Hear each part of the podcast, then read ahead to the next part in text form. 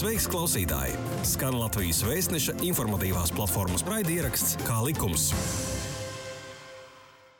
Esiet sveicināti raidierakstu kā likums klausītāji. Mans vārds ir Inese Helmane, un šodien runāsim par tēmu, kā valsts realizē sev piekritīgo mantu.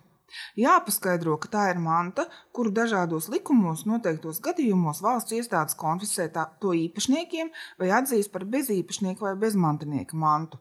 Par to, kā valsts tālāk rīkojas ar šo mantu, saruna ar valsts ieņēmuma dienesta finanšu pārvaldes direktora vietnieci, iepirkumu valstī piekritīgās mantas daļas vadītāju Ināru Solusteju. Labdien, Ināra! Labdien! Tātad, kāds ir valsts ieņēmuma dienesta pienākums attiecībā uz valstī piekritīgo mantu? Kāda ir valsts ieņēmuma dienesta uzdevuma šajā sakarā? Saistībā ar valstī piekritīgo mantu valsts ieņēmuma dienestam deleģējums veikt rīcību ar valstī piekritīgo mantu jau ir noteikts likumā par valsts ieņēmuma dienestu. Un, tur tātad ir pateikts, ka valsts ieņēmuma dienas valstī piekritīgo mantu uzskaita realizē, nodod bez maksas, iznīcina uh, un ieņēmumus tad attiecīgi iemaksā valsts budžetā. Uh, pašu kārtību, kādā veidā tas notiek, uh, kur ir dots sīkāks apraksts, tas jau ir normatīvais akts, kas ir tātad 2013. gada 26. novembra ministru kabineta noteikumi numur 1354 kas tā arī saucās kārtība, kādā veicam valstī piekritīgās mantas uzskaite, novērtēšana, realizācija, nodošana bez maksas, iznīcināšana un realizācijas ieņēmuma ieskaitīšana valsts budžetā. Tātad tie patiesībā ir tie divi galvenie normatīvie akti, kuri tātad valsts ieņēmuma dienestam dod šo tiesisko pamatu veikt darbības ar valstī piekritīgo mantu. Un kas ir vi vispār ir valstī piekritīgā manta? Kāda veida manta tā ir? Tātad valstī piekritīgā manta ir manta, kuru valsts ieņem dienas saņem vai no nu arī iestādes lēmumu. Tas var būt zvērnāt notāra akts vai tiesas nolēmums. Un šī manta tātad ir manta, kura ir vai nu konfiscēta, atzīta par bezīpašnieku mantu, Tā var būt bezmantinieka manta. Tas ir tie gadījumi, kad aktā par mantojuma lietas izbeigšanu uh, nav norādīts kreditora prasības, un arī šie mantinieki un šis zvērināta notāra akts. Tā tad uh, tiek dots izpildē valsts ieņēmuma dienestā. Tāda manta ir arī atrastā manta, kas pāriet valsts kā atradēja īpašumā. Tā var būt atrasta apslēpta manta, politisko partiju iegūta manta, kā arī pretlikumīgi saņemtie dāvinājumi. Tā ir manta, no kuras persona var būt atteikusies par labu valstī. Nu, tie ir tie pamatu gadījumi, kādos gadījumos e, šī manta līdz valsts ieņēmuma dienestam nonāk ar iestādes lēmumiem, notāra aktiem vai tiesas nolēmumiem. Un ar šo mantu tad, tad tālāk darbojas valsts ieņēmuma dienests.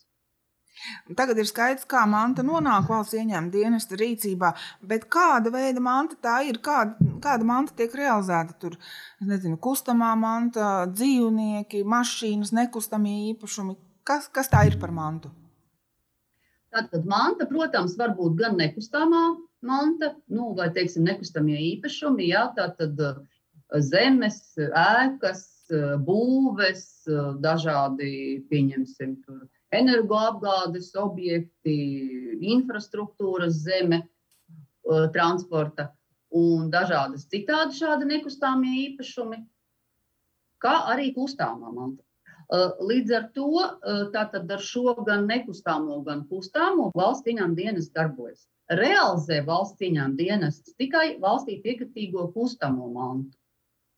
Un pirms realizēšanas tātad valsts ieņēmuma dienests izvērtē, vai mantu drīkst realizēt, proti, vai vispār viņa ir atzīstama par izplatīšanai derīgu, vai viņas izplatīšana nav aizliegta, un vai nav beidzies šis derīguma termiņš. Visu šo izvērtējot un saprotot, ka šī manta ir realizējama, tad, tad tālāk tiek veiktas darbības saistībā ar realizāciju. Tā manta var būt automašīnas, tie var būt velosipēdi, dažādi apģērbi, instrumenti, kurināmais materiāls, nu, jebkura veida dažāda šī e, kustāmā manta, arī dārglietas, arī mm, arī dažādi citādi, piemēram, rotas lietas un tā tālāk. Un tā projām. Jāpiezīmē gan, ka lielākā vairumā gadījumu šī manta, kas tiek realizēta un kas nonāk valsts ieņēmuma dienestam, izpildēji, ir uh, lietota manta. Un, uh, jāsaka, ka uh, šī valstī piekritīgā manta daudzuma ziņā uh, tomēr paliek aizvien lielāka. Jo šobrīd tās pozīcijas, kas ir skaita ziņā pieaugušas, ir tieši saistībā ar atrasto mantu, ar konfiscēto automašīnu daudzumu, ar elektronisko cigarešu daudzumu, kuras tā tad ir aizliegts eh, iegādāties un ar distances līgumu no Eiropas Savienības un Eiropas ekonomiskās zonas valstīm. Nu, tā tad apmēram tā tas izskatās, ja mēs aprakstām, kāda ir šī kustamā un kāda ir nekustamā. Tātad eh, valsts ieņem dienas realizē tikai kustamo mantu, bet kas notiek ar nekustamo īpašumu? Ar nekustamo īpašumu tātad jau manis iepriekš minētajos ministru kabineta noteikumos ir pateikts, ka valsts ieņēmuma dienests nekustamo īpašumu nodod bez maksas. Sākotnēji vispār ir jāsaprot, ka valsts ieņēmuma dienests saistībā ar nekustamo īpašumu zināmā veidā ir tāds kā starpnieks, kurš vienkārši atbilstoši tam, kāds ir šis nekustamā īpašuma veids, nodod atbilstošajiem pārvaldītājiem. Vai nu tā būtu pašvaldība, vai tas būtu valsts nekustamie īpašumi, vai tās būtu, pieņemsim, zemkopības ministrijas, vidas aizsardzības, reģionālās attīstības ministrijas, satiksmes ministrija, ekonomikas ministrija. Viss ir atkarīgs no tā, kāds ir šis veids, un atkarībā no veida mēs arī šos nekustamos īpašumus uh, sadalām. Uh, pamatā, ja mēs runājam par šiem veidiem, tad lielāko daļu, protams, veido dzīvojamais fonds. Un dzīvojamo fondu sākotnēji, nu, respektīvi, dzīvokļus, eh, dzīvojamās mājas, valsts ieņēmuma dienas sākotnēji piedāvā attiecīgajai pašvaldībai. Pašvaldībai tātad ministra kabineta noteikumos ir noteikts mēneša laikā ir jāizvērtē, Vai šī pašvaldība vēlas šo nekustamo īpašumu, respektīvi dzīvojamo fondu, dzīvokli vai, vai dzīvojamo māju, un, un tā tad mēneša laikā jāpieņem lēmums. Ja pašvaldība mums atsūta šo lēmumu, informē par to, ka viņi ir pieņēmusi lēmumu un, un vēlas šo nekustamo īpašumu, tad tālāk pati pašvaldība par to informē Vides aizsardzības un reģionālās attīstības ministriju, kura savukārt uh, gatavo šo ministra kabineta rīkojumu projektu, ar kuru, tad, kad ministra, ministra kabineta rīkojuma projekts ir stājies spēkā, tad atbilstoši tam mēs jau nododam šo nekustamo īpašumu pašvaldībai. Ja gadījumā pašvaldība atsakās un nevēlas pieņemt, tad tas tiek nodots um, SIA publisko aktīvu pārvaldītājiem posēsā. Jūs minējāt ļoti daudz kustamās mantas, tur dārgakmeņus, tur automašīnas. Tātad šīm lietām visām vajag vietu, kur uzglabāt. Kā manta tiek uzglabāta pirms viņa tiek realizēta? Tātad, tad, kad mēs šo mantu pārņemam atbilstoši saņemtajiem lēmumiem, nolēmumiem, tiesas spriedumiem, tad, tātad pārņemot mantu, secinām, kad mēs varam mantu vai nu atstāt glabāšanā, nodrošinājuma valsts aģentūrā, Eh, manta var tikt glabāta arī valsts eh, ieņēmuma dienesta telpās. Un ir arī gadījumi, kad mums ir slēgta ārpakalpojumu līgumi, kurā mums tātad ir nomas līgums par noliktavu telpām, kurā šīs eh, mantas attiecīgi glabājas. Nu, pirms manta tiek realizēta, to noteikti vajag kaut kādā veidā novērtēt. Kā tas notiek, kas to dara? Jāpasaka, ir uzreiz, ka pieņemot šo valstī piekritīgo mantu un ņemot valsts uzskaitē, valsts ieņēmuma dienas neveic mantas novērtēšanu. Ja mēs runājam par nekustamiem īpašumiem, tad tiek fiksēta kadastrālā vērtība, bet pārējā tātad manta tiek pieņemta uzskaitē pēc skaita, nevis pēc vērtības, jo vērtība noteikta sākotnēji netiek. Tālāk mēs pirms realizācijas mm, saprotam un izvērtējam to, vai ir tādi gadījumi, kad mums ir nepieciešams eh, speciālista vērtējums, un tie ir tie gadījumi, piemēram, kas saistīti ar dārgakmeņiem, ar zeltlietām, Un tādā gadījumā mēs vēršamies pie Latvijas proves biroja un lūdzam Latvijas proves biroju sniegt atzinumu, kāda tad ir šo dārgakmeņu juvelieru izstrādājuma vērtība. Nu, arī atsevišķos gadījumos, ka tā ir kāda cita vērtīga manta, tad vēršamies pie attiecīgajiem vērtētājiem, no kura saņemam atzinumu, kāda ir šī mantas vērtība. Un kas tālāk notiek ar to mantu? Jūs esat uzglabājuši, jūs esat novērtējuši un tālākās darbības. Nu, lūk, jā, tātad mēs esam pārņēmuši, ņēmuši uzskaitē, novietojuši glabāšanā, nepieciešamības gadījumā novērt, eh, novērtējuši. Un tālāk notiek šīs mantas eh, realizācija, kur gan eh, juridiskās, gan fiziskās personas šo mantu var iegādāties. Kā tas notiek? Tad, tad um, valsts ieņēmuma dienestā ir cenu aptaujas komisija izveidota, kura sagatavo paziņojumu par to, ka tiek organizēta cenu aptauja par kādu konkrētu mantu, kuru var iegādāties. Nu, piemēram, automašīnu.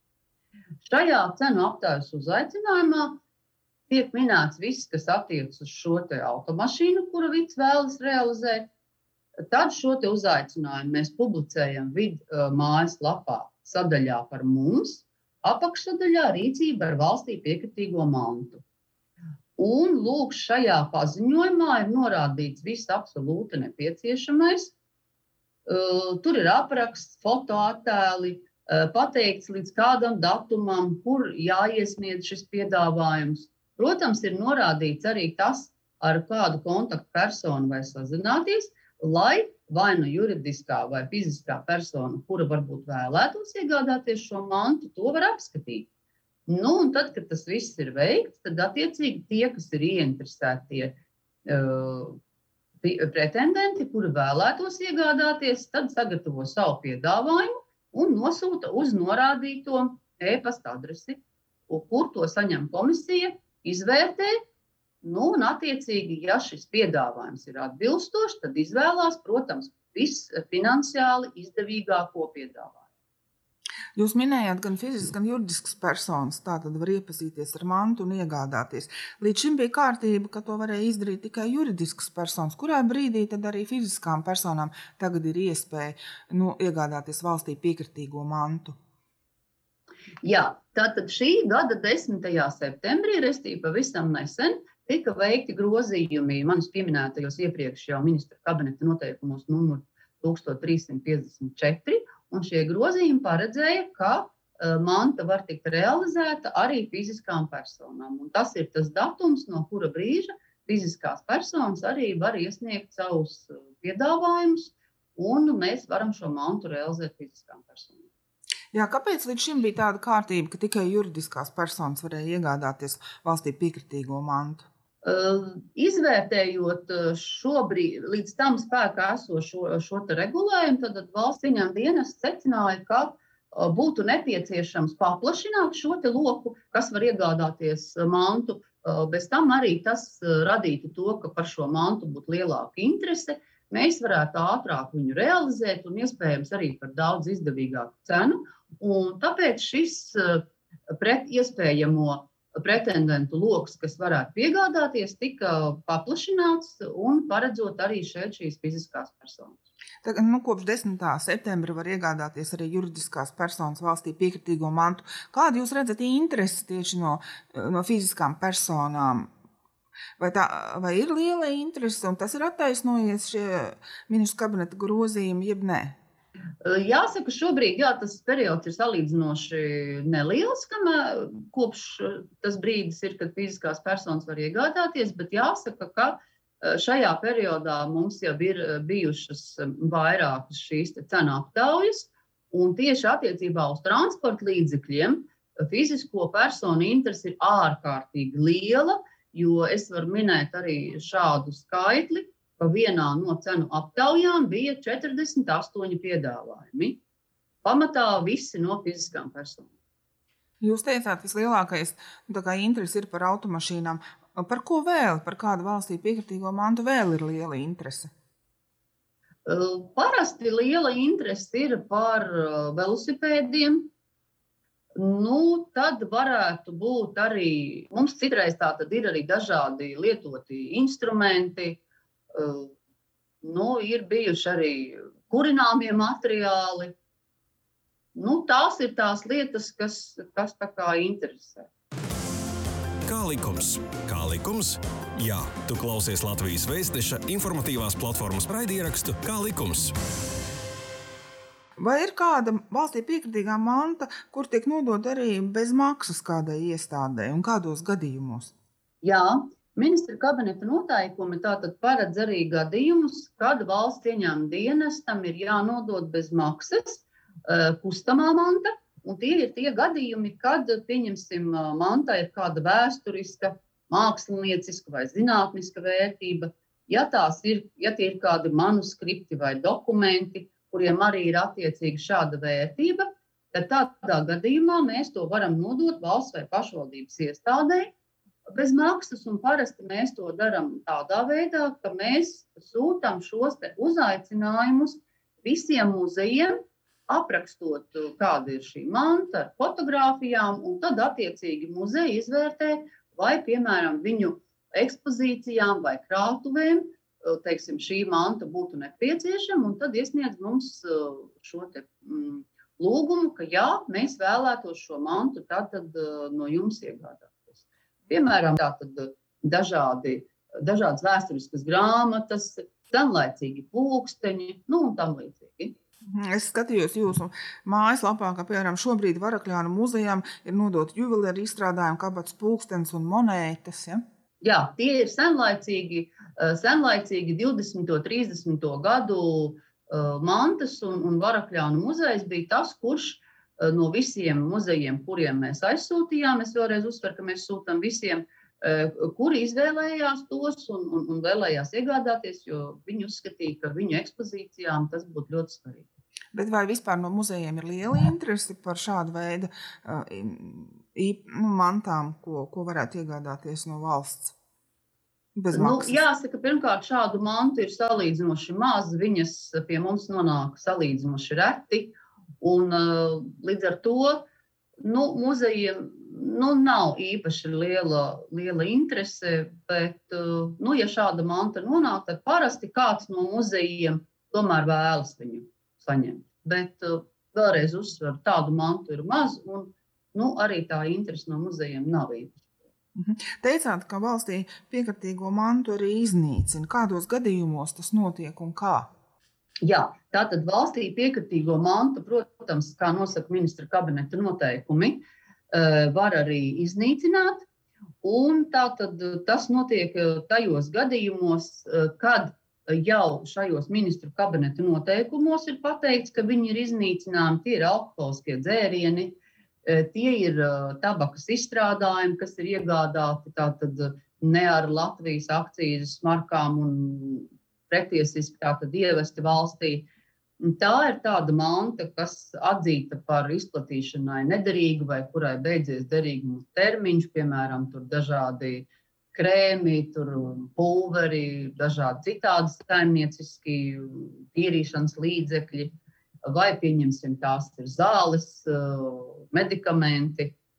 Eh, nu, mēs mantu iznīcinām arī tajos gadījumos, ja tā ir manta, kuru mēs esam nu, divas, trīs reizes mēģinājuši realizēt, un, un tomēr sapratuši, ka nevienu šī manta neinteresē, un neviens viņu nevēlas iegādāties, jo visdrīzāk šī manta tiešām ir nolietota nu, jau varbūt tās gan tehniski, gan, gan, gan fiziski ir nu, ļoti nepiemērota šīs dienas apstākļiem. Ehm, un tajā, tajos gadījumos mēs pieņemam šo lēmumu, kad manta tiek iznīcināta. Un uh, valsts ieņēmuma dienestā ir komisija, kura tātad uh, vai nu piedalās mantas iznīcināšanā, ja šo iznīcināšanu veids kāds ārpakalpojums sniedzējs, vai arī pati veids šo iznīcināšanu Eh, jo ministra kabineta noteikumos ir noteikts, kuros gadījumos valsts ieņem dienesta komisija var šo iznīcināšanu veikt pati.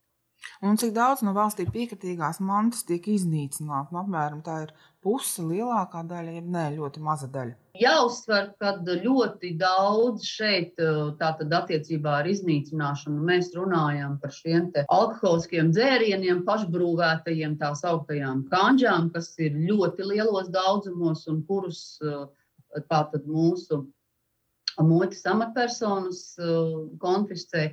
Tās ir šīs cigaretes, kas ienāk no Baltkrievijas, kuras ievada zem oglēm paslēptas un dažādos citādos veidos.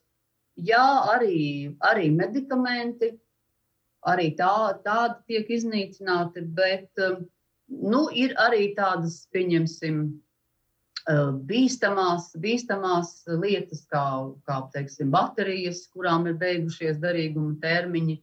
Nu, tad, tad tomēr tas, tā realizācija ir, ir, ir lielāka un tā iznīcināšana, protams, procentuāli ir mazāka. Šeit vēl jāpiezīmē, ka pie iznīcināšanas diezgan liela daudzuma ir uh, dīzeļdegvielai, dažādām smērieļām, kas arī tiek ievestas tātad, no Baltkrievijas, no Krievijas, kuras neatbilst nekādiem standartiem, kuras tiek ievestas pēc neatbilstošiem dokumentiem. Tā tās, tās arī uh, parasti ir jāiznīcina. Nu, ja, ja, protams, mēs sākotnēji saprotam, veicam, veicam šo analīzi, mūsu muitas laboratorija veic analīzi un saprotam, ka varbūt viņi var realizēt, mēģinam realizēt, bet pamatā tā viss ir iznīcināts.